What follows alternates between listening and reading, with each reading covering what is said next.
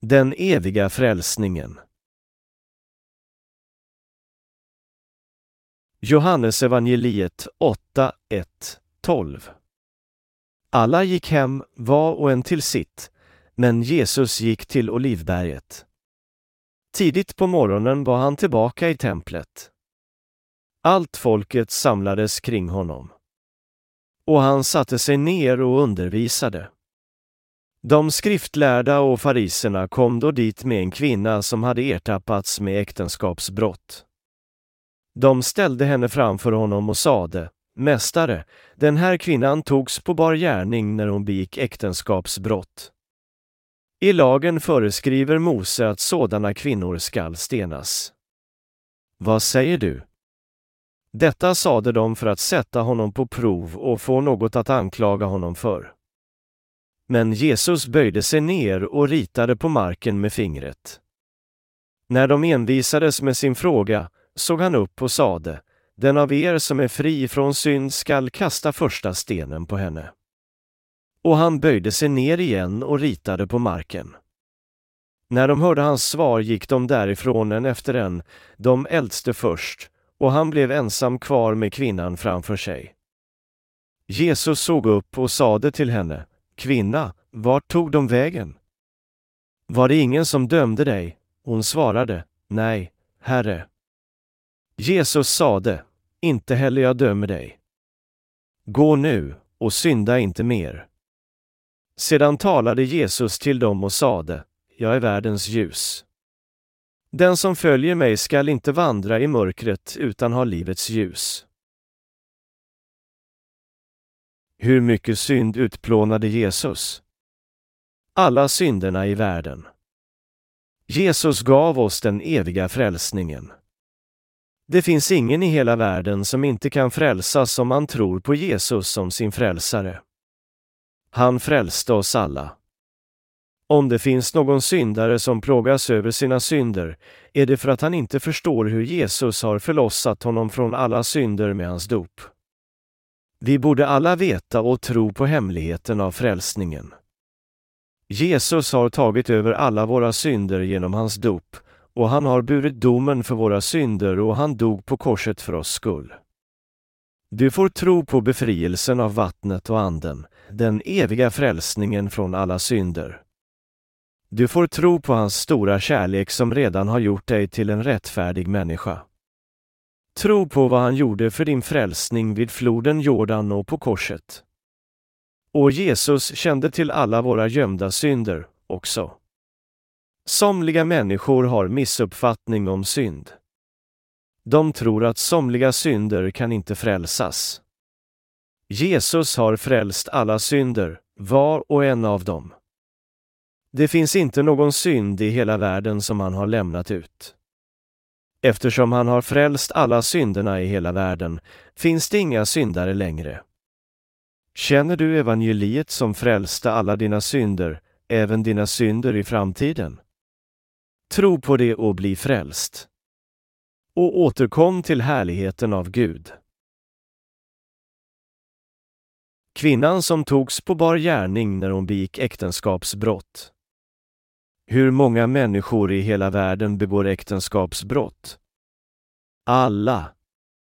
I Johannesevangeliet 8 står det om en kvinna som togs på bar gärning när hon begick äktenskapsbrott.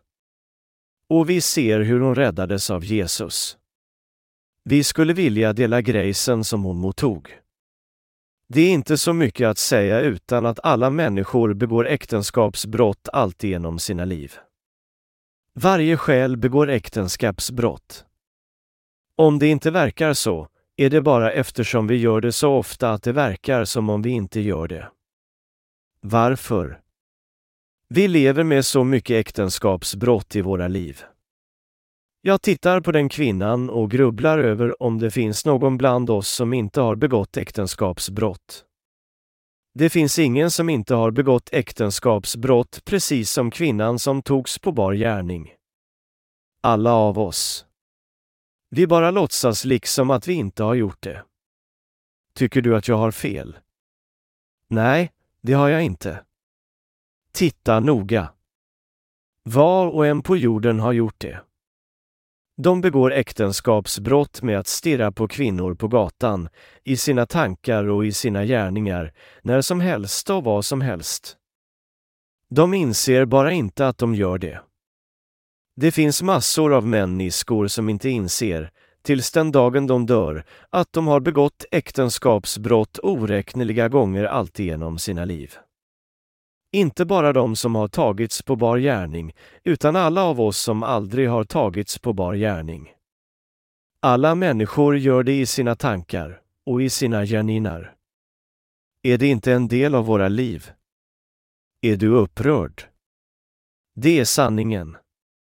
Vi bara hemlighåller det eftersom vi är förlägna. Jag tror att människor nu för tiden begår äktenskapsbrott hela tiden men inser inte att de gör det. Människor begår äktenskapsbrott i sina själar också. Vi, som skapades av Gud, lever på jorden utan att någonsin inse att vi håller på att begå äktenskapsbrott i våra själar. Tillbedjan till andra gudar är ett andligt äktenskapsbrott eftersom Herren är den enda maken av alla människor. Kvinnan som togs på bar gärning var en människa precis som alla andra av oss, och hon mottog grejsen av Gud precis som vi, som frälstes, gjorde. Men de hycklande fariserna ställde henne mitt framför dem och pekade på henne med fingrarna liksom de var domare och var nära att stena henne. De var nära att förlöjliga henne och att döma henne liksom de själva var rena, liksom de aldrig hade begått äktenskapsbrott. Mina kristna vänner, de som förstår sig vara ett knyte synd, dömer inte de andra inför Gud. Snarare, eftersom de vet att de också begår äktenskapsbrott alla sina liv, mottar de grejsen av Gud som har frälst oss alla. Endast de som inser att de är syndarna som hela tiden begår äktenskapsbrott är valbara för att frälsas inför Gud. Vem matter Guds grace? Är det den som lever rent utan att begå äktenskapsbrott som mottar hans grejs, eller är det den värdelösa som gör det som mottar hans grejs? Den som gör det är den som mottar överflödande grejs av hans frälsning. De som inte kan sköta om sig själva, de som är svaga och hjälplösa mottar frälsning. De är de som står i hans grejs. Vem mottar Guds grejs? Den värdelösa. De som tycker att de är fria från synd kan inte frälsas. Hur kan de motta grejs av hans frälsning när det inte finns någonting att frälsa? De skrivarna och fariserna drog den kvinna som hade tagits på bar gärning när hon hade begått äktenskapsbrott framför Jesus och ställde henne mitt framför dem och frågade honom, Mästare, den här kvinnan togs på bar gärning när hon begick äktenskapsbrott. Vad säger du? Varför ställde de kvinnan framför honom och satte honom på prov? Även de själva hade begått äktenskapsbrott flera omvändelser, men de försökte döma henne och döda henne genom Jesus och försökte lägga skulden på honom. Jesus visste vad som låg i deras tankar och visste allt om kvinnan. Så han sade, den av er som är fri från synd skall kasta första stenen på henne. Då började de skrivarna och fariserna, från de äldste till den yngste, lämna platsen en efter en tills bara Jesus och kvinnan stod kvar. De som gick var skrivarna och fariserna, de religiösa ledarna. De var nära att döma kvinnan som hade tagits på bar gärning liksom de själva inte var syndare. Jesus proklamerade sin kärlek i hela världen. Han var kärlekshostiga. Jesus gav människor mat, hämtade tillbaka den döde, gav livet tillbaka till sonen av en änka, återupplivade Lazarus, botade de spetälska och utförde mirakel för de fattiga. Och han tog bort alla synderna från alla syndare och gav dem frälsning. Jesus älskar oss. Han är den allsmäktige som kan göra allting, men fariserna och skrivarna tyckte att han var deras fiende. Det är varför de tog kvinnan framför honom och satte honom på prov. De frågade, Mästare, i lagen föreskriver Mose att sådana kvinnor skall stenas. Vad säger du? De tyckte att han skulle säga åt dem att stena henne. Varför? Om vi får döma enligt vad som står skrivet i Gudslagen skulle alla människor som har begått äktenskapsbrott stenas ihjäl utan undantag. Alla måste stenas ihjäl och alla är fastställda att hamna i helvetet. Syndens lön är döden. Men Jesus sade inte åt dem att stena henne. Han sade istället, den av er som är fri från synd skall kasta första stenen på henne. Varför gav Gud oss de 613 artiklarna av lagen? För att få oss att inse att vi är syndare. Lagen förorsakar vrede. Gud är helig och så är hans lag. Den här heliga lagen kom till oss i 613 artiklar. Orsaken till att Gud gav oss 613 artiklar av lagen är att få oss att inse att vi är syndare, att vi är ofullkomliga varelser. Den lär oss att vi måste titta på Guds grejs för att frälsas. Om vi inte visste det här och bara tänkte på vad som står skrivet skulle vi vara alla tungna att stenas ihjäl precis som kvinnan som togs på bar gärning. Skrivarna och fariserna som inte visste sanningen av hans lag kanske har tänkt att de kunde stena kvinnan och till och med oss, förmodligen. Vem kan kasta stenar på en hjälplös kvinna? Fast hon togs på bar gärning kunde ingen i hela världen kasta stenar på henne. Om kvinnan och var och en av oss dömdes enligt bara lagen skulle vi såväl som kvinnan motta en hemsk dom. Men Jesus frälste oss, som är syndare, från vår synder och från den där domen. Med alla våra synder, om Guds lag tillämpas strängt efter bokstaven, vem bland oss kunde förbli levande? Var och en av oss skulle sluta i helvetet. Men skrivarna och fariserna kunde bara till lagen som det stod skrivet. Om hans lag tillämpades korrekt skulle den döda honom lika säkert som den dömdes av honom. Guds lag gavs till människor för att de skulle kunna förstå sina synder, men de har lidit eftersom de har missförstått och missbrukat den. Dagens fariser, precis som fariserna i Bibeln, förstår bara lagen som det står skrivet. De får förstå grejsen, rättvisan och sanningen av Gud. De måste lära sig evangeliet av frälsning för att befrias. Fariserna sade då, i lagen föreskriver Mose att sådana kvinnor skall stenas. Vad säger du? De frågade självsäkert med stenar i sina händer. De tyckte säkert att Jesus inte skulle ha någonting att säga om det. De förväntade sig att Jesus skulle ta deras bete. Om Jesus hade dömt enligt lagen skulle han också ha stenats av dem. Deras avsikt var att stena båda två. Om Jesus hade sagt åt dem att inte stena kvinnan skulle de ha sagt att Jesus hade föraktat Gudslagen och stenat honom för blasfemi. Vilken hemsk komplott det var! Men Jesus böjde sig ner och ritade på marken med fingret, och de fortsatte fråga honom, vad säger du? Vad håller du på att rita på marken? Svara på frågorna bara. Vad säger du? De pekade sina fingrar åt Jesus och plågade honom. Jesus såg upp och sade att den av dem som var fri från synd skulle kasta första stenen på henne. Och han böjde sig ner igen och ritade på marken. När de hörde hans svar fälldes de av sina samveten och gick därifrån en efter en, de äldste först de yngste, och han blev ensam kvar med kvinnan framför sig. Den av er som är fri från synd skall kasta första stenen på henne. Var antecknas synder? På tabletten av vårt hjärta och i böckerna av gärningar.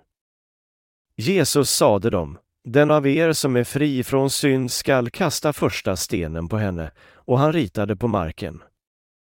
Då började ett par äldre gå därifrån. De äldste som hade begått mest synder gick därifrån först. De yngre gick också.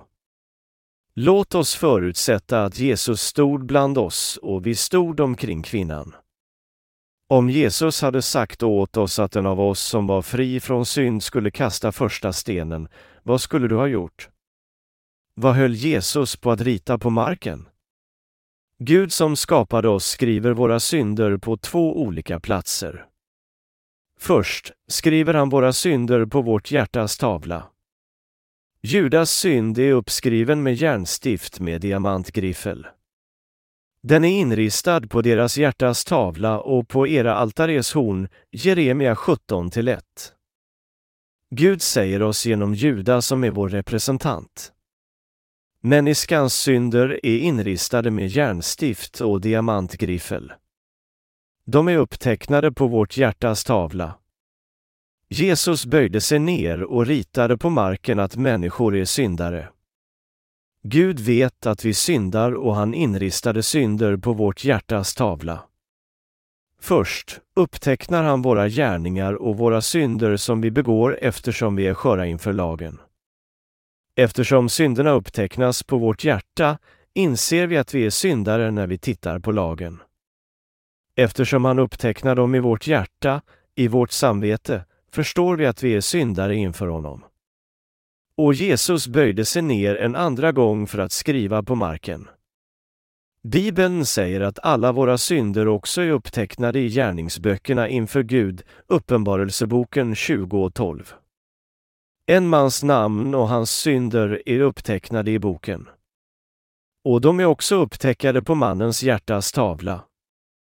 Våra synder är upptecknade två gånger i gärningsboken och på vårt hjärtas tavla. Synderna är upptecknade på människans hjärtas tavla, ung eller gammal. Det är varför de inte hade någonting att säga beträffande sina synder inför Jesus. De som försökte stena kvinnan var hjälplösa inför hans ord. När raderas våra synder som upptecknats på två platser? När vi accepterar frälsningen av vattnet och blodet av Jesus i våra hjärtan. Men när du tar emot frälsningen raderas alla dina synder i gärningsboken och ditt namn ska träda in i Livets boken. De vars namn kan läsas i Livets boken går till himlen.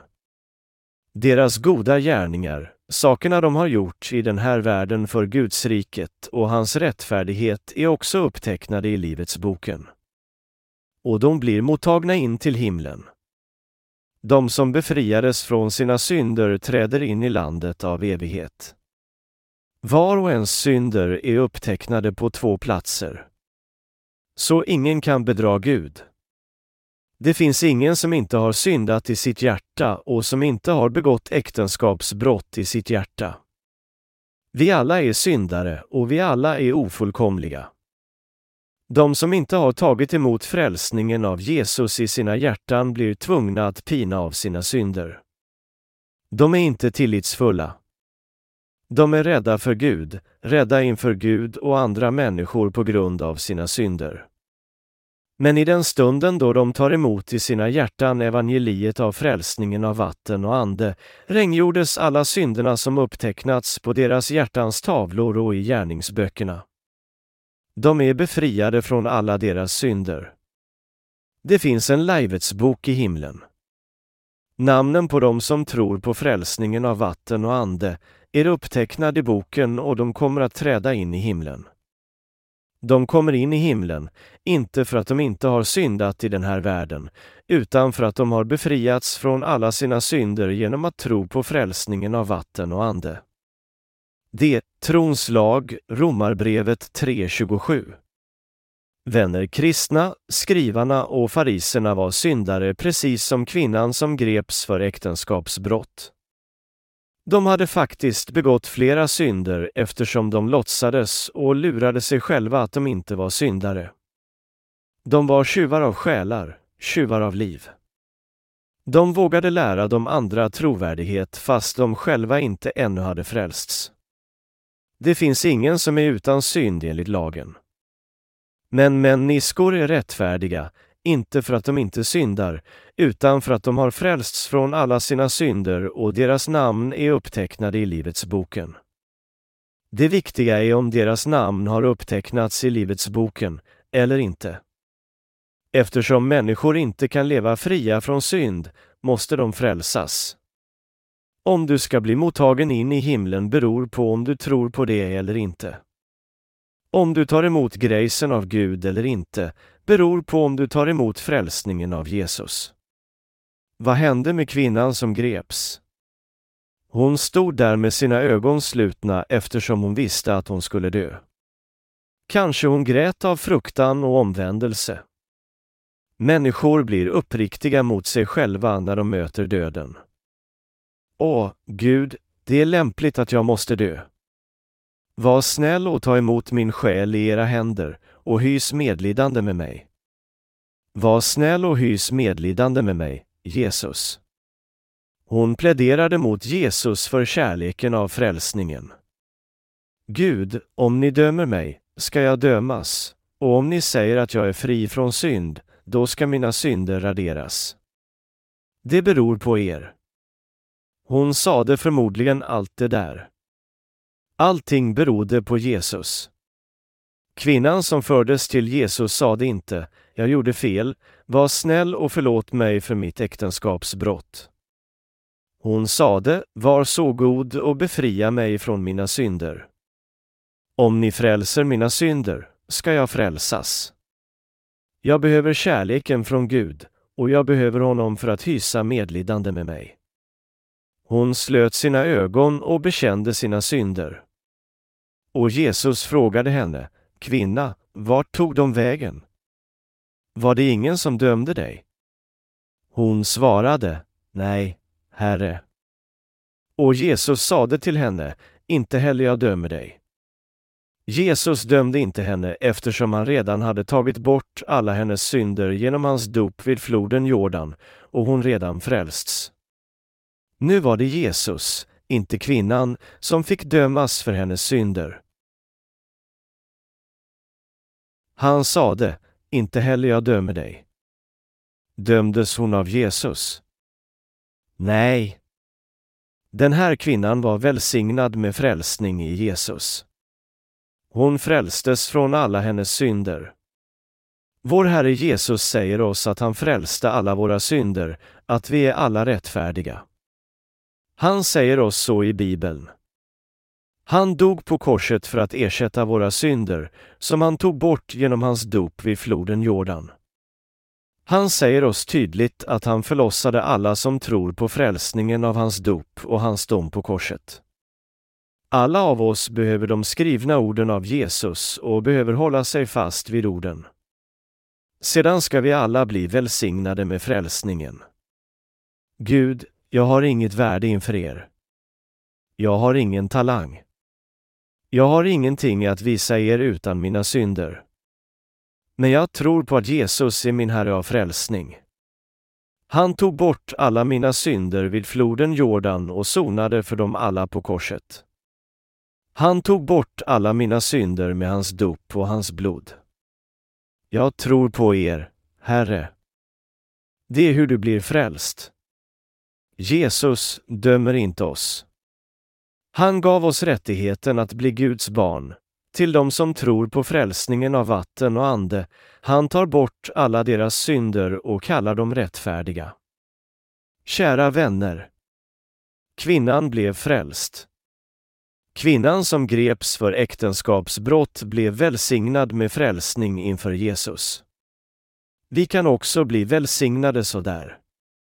Alla som vet om sina synder och ber Gud hysa medlidande med dem, alla som tror på frälsningen av vatten och ande i Jesus, tar emot välsignelser av frälsning från Gud. De som med synder får frälsas. Den som syndar och som inte inser sina egna synder kan inte välsignas med frälsning. Jesus tog bort världens synd, Johannesevangeliet 1-29. Alla syndare i världen kan frälsas om de tror på Jesus. Jesus sade till kvinnan, inte heller jag dömer dig. Han sade han inte dömde i henne eftersom alla hennes synder redan hörde till honom. Han tog på sig alla våra synder och han fick dömas istället för oss. Sex måste frälsas inför Jesus också. Vilket är större mellan kärleken av Gud och domen av Gud? Kärleken av Gud. Fariserna, med stenar i sina händer, såväl som dagens religiösa ledare, översätter lagen bokstavligt. De tror att eftersom lagen säger åt oss inte att begå äktenskapsbrott ska den som syndar stenas ihjäl. De tittar på kvinnor och åtrår dem medan de låtsas att inte begå äktenskapsbrott. De kan varken frälsas eller förlossas. Fariserna och skrivarna var moralisterna av den här världen. De var inte de som Jesus kallade. De där människorna hör aldrig från honom, jag ska inte döma dig. Bara kvinnan som greps för äktenskapsbrott hörde de där glädjande orden. Om du är uppriktig inför honom kan du också välsignas liksom henne. Gud, jag begår äktenskapsbrott hela mitt liv. Det verkar som om jag inte gör det bara för att jag gör det så ofta. Jag syndar flera gånger varje dag. När vi tar emot lagen och sanningen att vi är syndare som måste dö och möta Gud uppriktigt och erkänna oss precis som vi är, sägande Gud, det här är vad jag är. Varsågod och rädda mig, ska Gud välsigna oss med frälsning. Kärleken till Jesus, av vatten och ande har vunnit över den där domen av Gud. Inte heller jag dömer dig. Han dömer inte oss och han säger, du är frälst. Vår Herre Jesus Kristus är Gud av medlidande. Han har befriat oss från alla synderna i världen. Vår Gud är Gud av rättvisa och Gud av kärlek. Kärleken av vatten och ande är även större än hans dom. Hans kärlek är större än hans rättvisa. Varför frälste han oss alla? För hans kärlek är större än hans rättvisa. Om Gud genomdrev sin dom för att komplett göra hans rättvisa skulle han ha dömt alla syndare och sänt dem till helvetet. Men eftersom kärleken till Jesus som räddar oss från domen är större sände Gud sin enda son, Jesus.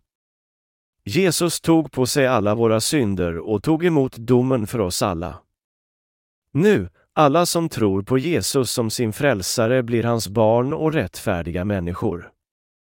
Eftersom hans kärlek är större än hans rättvisa frälste han oss alla. Vi måste tacka Gud för att han inte dömer oss enbart med hans rättvisa. Precis som Jesus sade till skrivarna, fariserna och deras lärjungar vill Gud barmhärtighet och kunskap om Gud, inte våra offranden. Några människor dödar kor och getter varje dag och offrar dem inför Gud och ber Gud, förlåt mina synder varje dag. Gud vill inte ha våra offranden, utan snarare vår tro på frälsning av vatten och ande.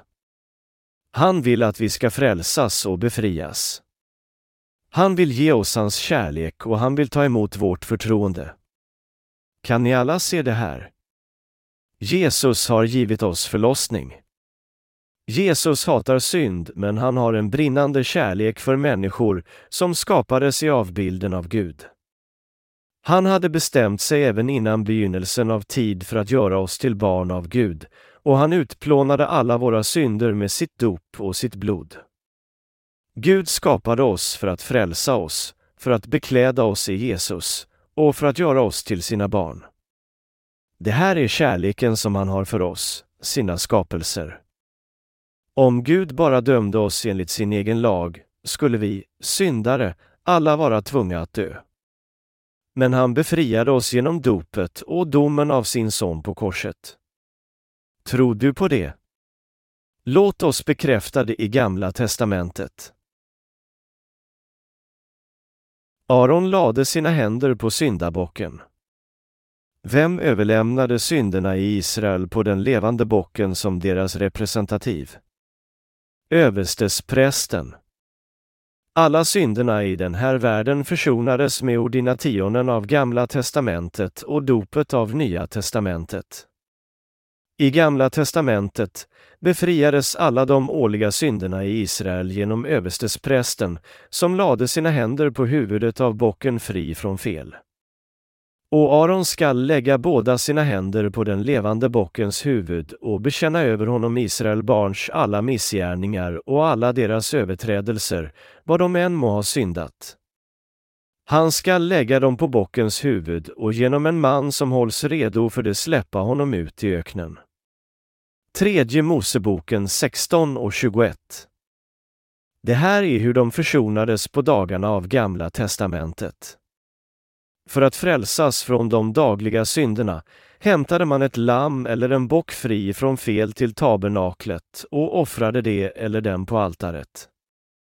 Han lade sina händer på huvudet av offret och hans synder lämnades över på offret. Sedan dödades offret och dess blod lades på brännoffersaltarets horn av prästen. Det fanns horn på de fyra hörnen av altaret. De där hörnen symboliserar gärningsboken i Uppenbarelseboken 20.12. Och även dess kvarstående blod stänktes på marken. Marken föreställer människohjärtan eftersom man är skapad från damm. Människorna försonade sina dagliga synder på det sättet. Men de kunde inte göra offrandet varje dag. Så Gud gav dem befrielse en gång om året för årets synder. Det var på den tionde dagen av den sjunde månaden, försoningsdagen. På den dagen hämtade det representativet av alla människorna av Israel, överstesprästen, två getter och lade händerna på dem för att lämna över alla synderna av människorna på dem och offrade dem inför Gud för att göra bot för människorna av Israel. Aron lade båda sina händer på den levande bockens huvud och bekände över honom Israels barns alla missgärningar och alla deras överträdelser, vad de än må ha syndat. Han lade dem på bockens huvud. Gud hade utnämnt Aron, överstesprästen av Israel, som representant. Istället för att var och en fick lägga sina händer på offren individuellt lade överstesprästen, som representant av alla människor, sina händer på huvudet av den levande geten för förlåtelsen för årets synder. Och han skulle berätta alla synderna i Israel inför Gud. Å Gud, era barn av Israel har syndat. Vi har dyrkat idoler, brutit alla artiklar i er lag, missbrukat ert namn, skapat andra idoler och älskat dem mer än er. Vi tänkte inte på sabbatsdagen, så att vi inte helgade den, hedrade inte våra föräldrar, mördade, begick äktenskapsbrott och stölder. Vi skämde bort i avund och tvister. Han antecknade alla synderna. Gud, varken människor av Israel eller jag har kunnat hålla någon i er lag. För att frälsas från alla sådana synder lägger jag mina händer på huvudet av den här bocken och lämnar alla synderna på den. Överstesprästen lade sina händer på offret för alla människorna och lämnade alla synderna på huvudet av offret. Ordinationen, eller att lägga händer menar att lämna, tredje Moseboken 1, 1, 4, 16 och 20 till 21. Hur utfördes försoningen på den tiden av Gamla testamentet? Genom att lägga händerna på huvudet av syndoffer. Gud har givit ritualen av synd att offra för människorna av Israel så att de kunde lämna över alla sina synder och frälsas. Han specificerade att det måste finnas ett syndoffer fritt från fel och att syndoffret måste dö istället för människorna. På försoningsdagen dödades syndoffret och dess blod togs in i det heliga och stänktes på nådastolen sju gånger. Så människorna av Israel blev försonade från årets synd på den tionde dagen av den sjunde månaden. Överstesprästen trädde det heliga ensam för att offra, men människor samlades utanför och lyssnade på ljudet från guldklockor på armen av överstesprästen ringa sju gånger medan blodet stänktes på nådastolen. Sedan skulle människorna glädjas för att alla deras synder försonats. Ljudet från guldklockor var ljudet av glädjebudet. Det är inte sant att Jesus älskar vissa människor och frälsar bara dem. Jesus tog bort alla synder i världen på en gång med sitt dop. Han ville befria oss alla på en gång. Våra synder kunde inte förlossas varje dag, de frälstes alla på en gång. I Gamla testamentet gavs försoning genom ordination och syndoffer. Aron lade sina händer på huvudet av den levande bocken framför alla människorna och antecknade alla synder som människor hade begått under året. Han lämnade synderna på bocken framför alla. Var finns synderna av människorna sedan? De lämnades alla på bocken. Sedan leddes bocken bort av en lämplig människa. Bocken, med alla synder i Israel, leddes till öknen där varken vatten eller gräs fanns.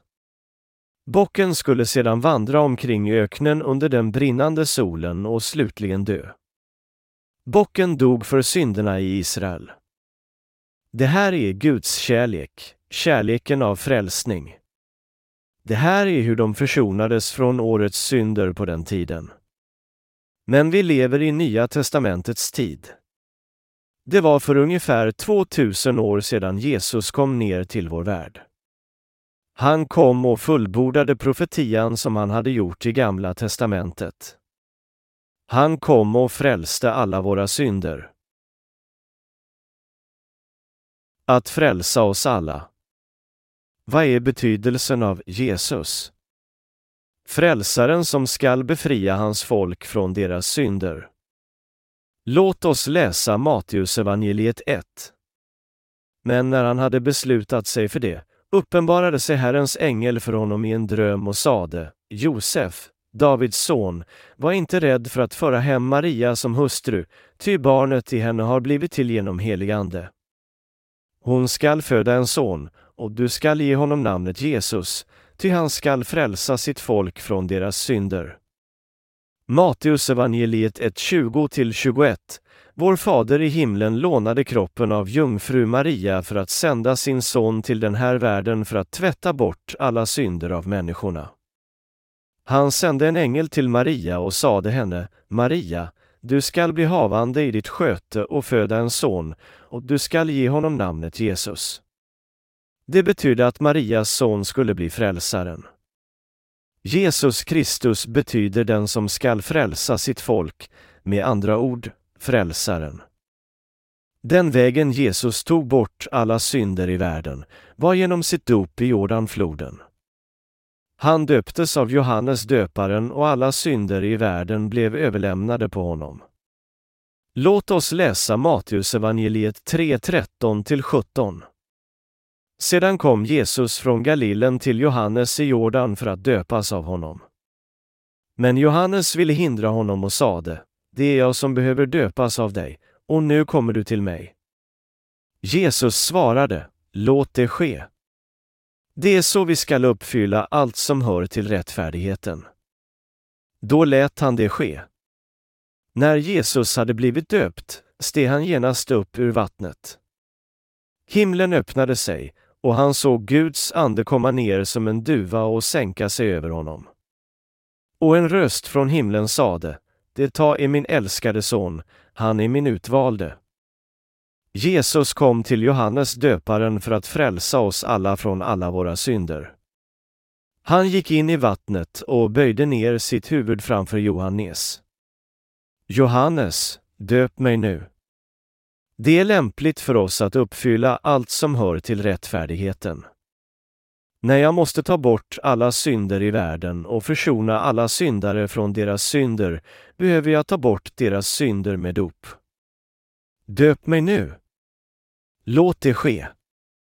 Sålunda, det var lämpligt för att uppfylla allt som hör till rättfärdigheten. Jesus blev döpt av Johannes döparen.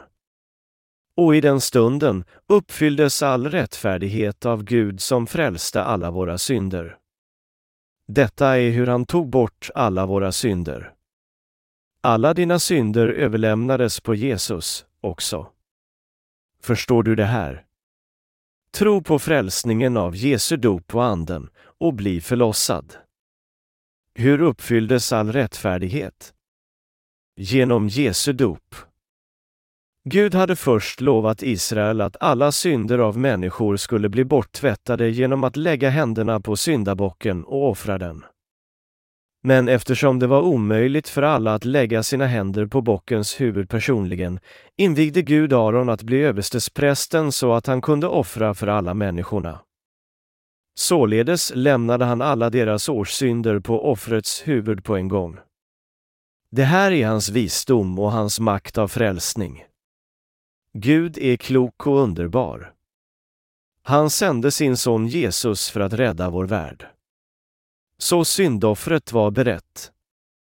Nu måste det finnas ett representant för alla människor, den som skulle lägga sina händer på Jesu huvud och lämna över alla synder i världen. Representanten var Johannes döparen.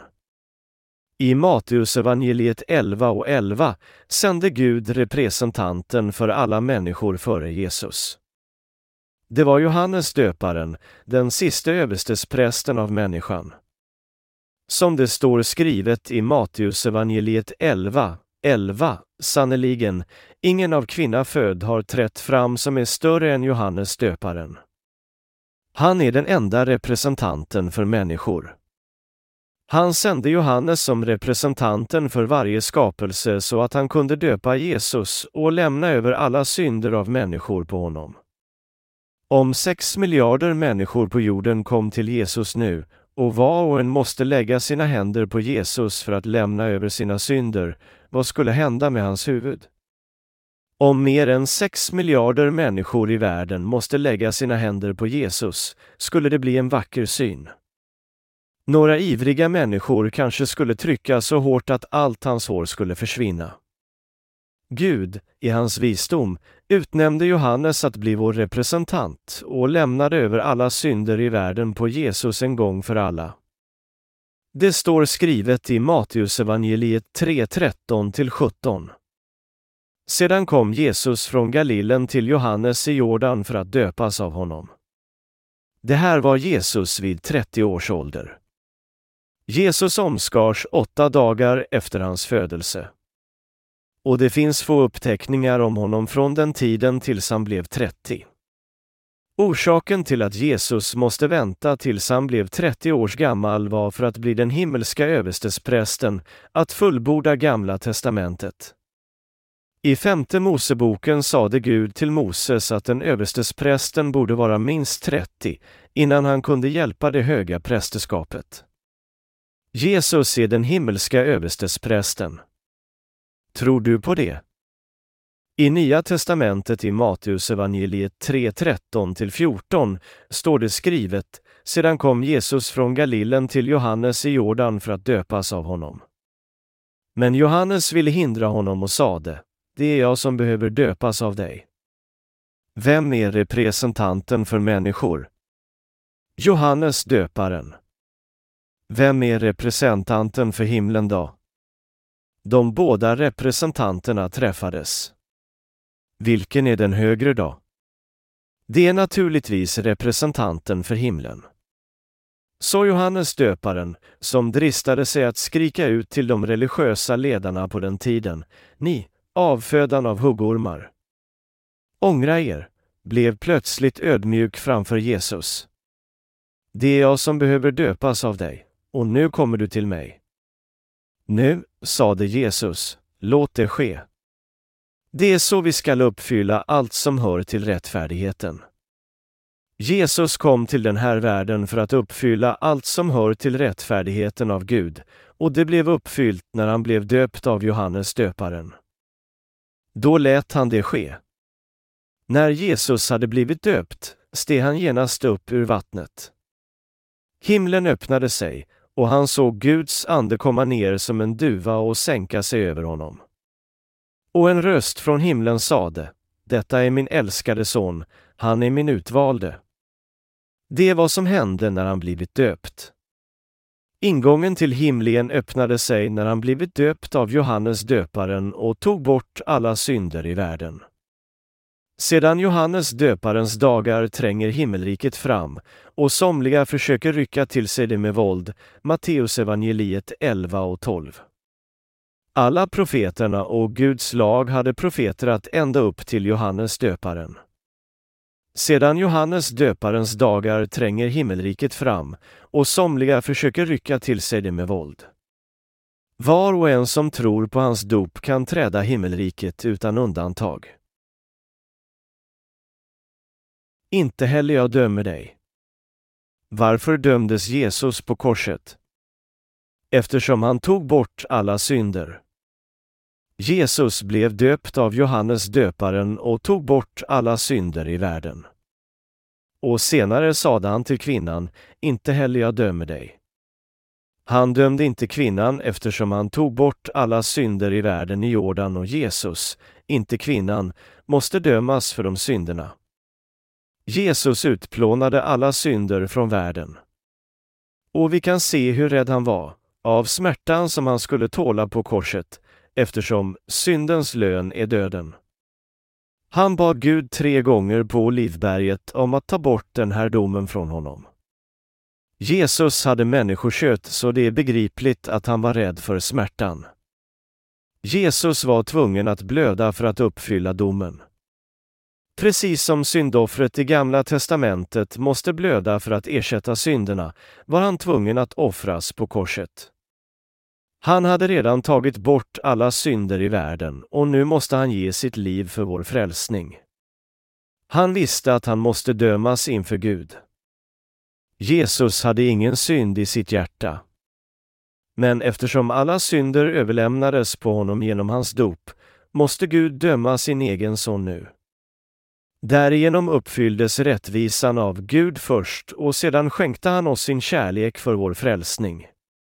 Därför måste Jesus dömas på korset. Inte heller jag dömer dig. Alla våra synder, avsiktliga eller oavsiktliga, medvetna eller omedvetna, måste dömas av Gud.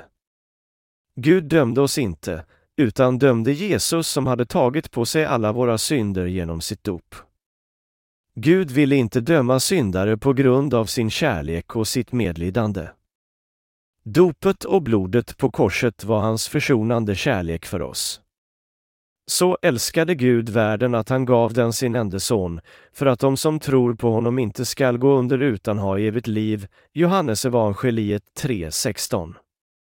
Det är hur vi vet om hans kärlek. Jesus dömde inte kvinnan som greps för äktenskapsbrott. Han visste att hon var syndare eftersom hon på bar gärning greps för äktenskapsbrott. Hon hade inte bara synd i sitt hjärta, utan också i köttet. Det fanns ingen väg att hon kunde förneka sin synd på. Men eftersom hon trodde på att Jesus skulle ta bort alla hennes synder blev hon frälst. Om vi tror på frälsningen i Jesus ska vi frälsas. Tro på den. Det är för det goda av våra egna. Vem är mest välsignad? Den som inte har någon synd. Alla människor syndar. Alla människor begår äktenskapsbrott. Men det är inte alla som står för sina synder. Vi har alla syndat, men de som tror på frälsningen av Jesus Kristus blir fria från synd i sina hjärtan. Den som tror på frälsningen av Jesus är den lyckligaste människan. Den mest välsignade människan är den som försonades från alla sina synder, den som nu är rättfärdig i Jesus. Gud talar till oss om lyckan i Romarbrevet 4.7. Saliga de vilkas överträdelser är förlåtna och vilkas synder är utplånade. Vi syndar alla tills den dagen vi dör. Vi är vanvördiga inför Gud och vi är ofullkomliga. Vi håller på att begå synder även när vi är medvetna om hans lag. Vi är så svaga. Men Gud försonade oss med dopet och blodet av hans enda son och berättar för oss, dig och mig, att vi inte längre är syndare och att vi nu är rättfärdiga inför honom. Han berättar för oss att vi är hans barn. Evangeliet av vatten och ande är evangeliet av frälsning. Tror du på det? För dem som tror kallar han rättfärdiga, förlossade och sina barn. Vem är den lyckligaste människan i världen? Den som tror och har försonats. Har du försonats? Utelämnade Jesus att ha dina synder? Nej, han tog alla dina synder med sitt dop. Tro på det. tro och frälses från alla dina synder. Låt oss läsa Johannesevangeliet 1-29. Precis som bortsvept med en kvast. Hur mycket synd tog Jesus bort? Alla synder i världen. Nästa dag såg han Jesus komma, och han sade, där är Guds lamm som tar bort världens synd. Johannesevangeliet 1-29, där är Guds lamm som tar bort världens synd. Johannes döparen överlämnade alla synder i världen på Jesus i Jordan. Nästa dag vittnade han att Jesus var Guds lamm som tar bort alla synder i världen. Han tog alla synder i världen på sina axlar. Alla synder i världen innebär alla synder som människor begår i den här världen, från de börjar till de slutar. För ungefär 2000 år sedan tog Jesus bort alla synder i världen och frälste oss. Som Guds lamm tog han bort alla våra synder och dömdes för vår skull. Alla enskilda synder som vi människor begick överlämnades på Jesus. Och han blev Guds lamm som tog bort alla synder i världen. Jesus kom till den här världen som en värdelös människa, som människan som skulle frälsa alla syndarna av världen. Vi begår synd eftersom vi är svaga, eftersom vi är syndiga, eftersom vi är okunniga, eftersom vi är lättsinniga och eftersom vi är ofullkomliga. Alla de där synderna utplånades och lades på Jesu huvud med hans dop i Jordan. Och han avslutade allt detta med döden av sitt kött på korset. Han begravades men återuppstod efter tre dagar. Som frälsaren av alla syndare, som segraren, som domaren, sitter han nu på Guds högra sida.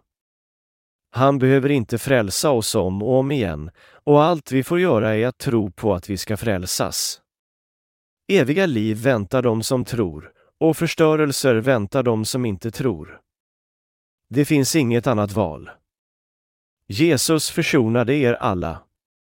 Ni är de lyckligaste människorna på jorden. Alla synder ni kommer att begå i framtiden på grund av era svagheter, han tog dem alla. Finns det någon synd kvar i ditt hjärta? Nej. Tog Jesus allt det? Ja. Det gjorde han. Alla människor är detsamma. Ingen är heligare än sin granne. Men eftersom så många människor är hycklare tycker de att de inte är syndare. Men de är faktiskt syndare också. Den här världen är ett växthus där fostran syndar. När kvinnor går ut hemifrån tar de rött läppstift på sina läppar, pudrar på sina ansikten, lockar sitt hår, tar på sig fina kläder och har high heels. Män går också till frisören för att klippa sitt hår, sköter sig själva, tar på sig rena skjortor, fashionabla slipsar och putsar sina skor. Men medan de kanske ser ut som prinsar och prinsessor på utsidan är deras insidor som de smutsigaste soptipparna. Gör pengarna människor lyckliga? Gör hälsan människor lyckliga? Nej. Bara frälsning gör människor verkligen lyckliga. Hur lycklig man än verkar på utsidan är man bedrövliga om man har synd i sitt hjärta. Tackar Herren, ni förlossade en syndare som mig, ni utplånade alla mina synder. Jag vet att jag inte är någon att se på, men jag prisar er för att ha räddat mig. Jag är frälst för evigt från mina synder. Ära vare Gud. Den som har försonats är en verkligen lycklig människa. Den som har välsignats med hans grejs av frälsning är verkligen en lycklig människa. Eftersom Jesus, Guds lamm som tar bort världens synd, har tagit bort alla våra synder, är vi fria från synd. Han fullbordade frälsning på korset för oss. Alla våra synder, inklusive er och min, hör också till världens synd och därför är vi alla befriade. Efter Guds vilja. Har vi synd i våra hjärtan i Jesus Kristus? Nej, det har vi inte. Kära vänner, kvinnan som greps för äktenskapsbrott trodde på Jesu ord och hon blev frälst. Hennes berättelse är upptecknad i Bibeln eftersom hon välsignades med frälsning. Men de hycklande skrivarna och fariserna sprang ifrån Jesus. Om du tror på Jesus är det himmel, men om du lämnar Jesus är det helvetet. Om du tror på hans verk är det liksom himmel, men om du inte tror på hans verk är det liksom helvetet. Frälsningen beror inte på strävan av var och en, utan det är beroende av frälsningen av Jesus. Låt oss läsa Hebreerbrevet 10. Med lagen nådde oss bara en skugga av det goda som skall komma, inte tingens egen gestalt. Därför förmår den aldrig genom de årligen upprepade offren göra dem som träder fram med de fullkomliga för all framtid. Skulle man inte annars ha upphört att offra? De som förrättar gudstjänsten skulle ju, efter att en gång ha blivit renade, inte längre vara medvetna om några synder. Men nu ligger i dessa offer en årlig påminnelse om synderna, ty blod från tjurar och bockar kan aldrig ta bort synder. Därför säger Kristus när han inträder i världen, offer och gåvor begärde du inte, men en kropp har du danat åt mig. Brännoffer och syndoffer gladde dig inte. Då sade jag, se, här är jag. Som det står skrivet om mig i bokrullen har jag kommit, Gud, för att göra din vilja. Först säger han, offer och gåvor och brännoffer och syndoffer begärde du inte och de gladde dig inte, och detta fast de frambärs enligt lagen.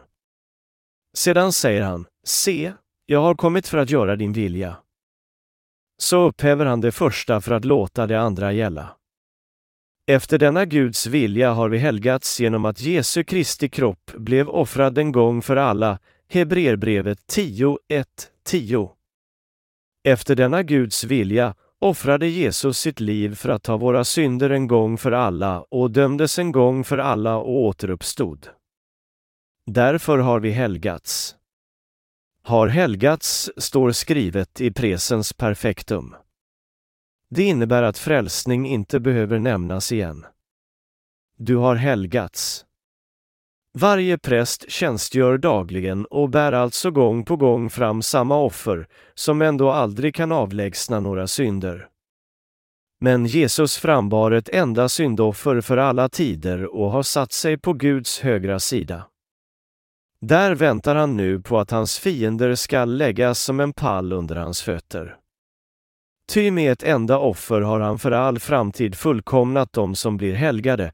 Hebreerbrevet 10 och 11 till 14. Ni alla blir helgade för all framtid. Ska du bli syndare igen, om du syndar imorgon? Tog Jesus inte bort sådana synder också?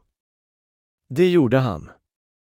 Han tog bort synderna för all framtid, också. Om detta vittnar också den heliga Anden för oss.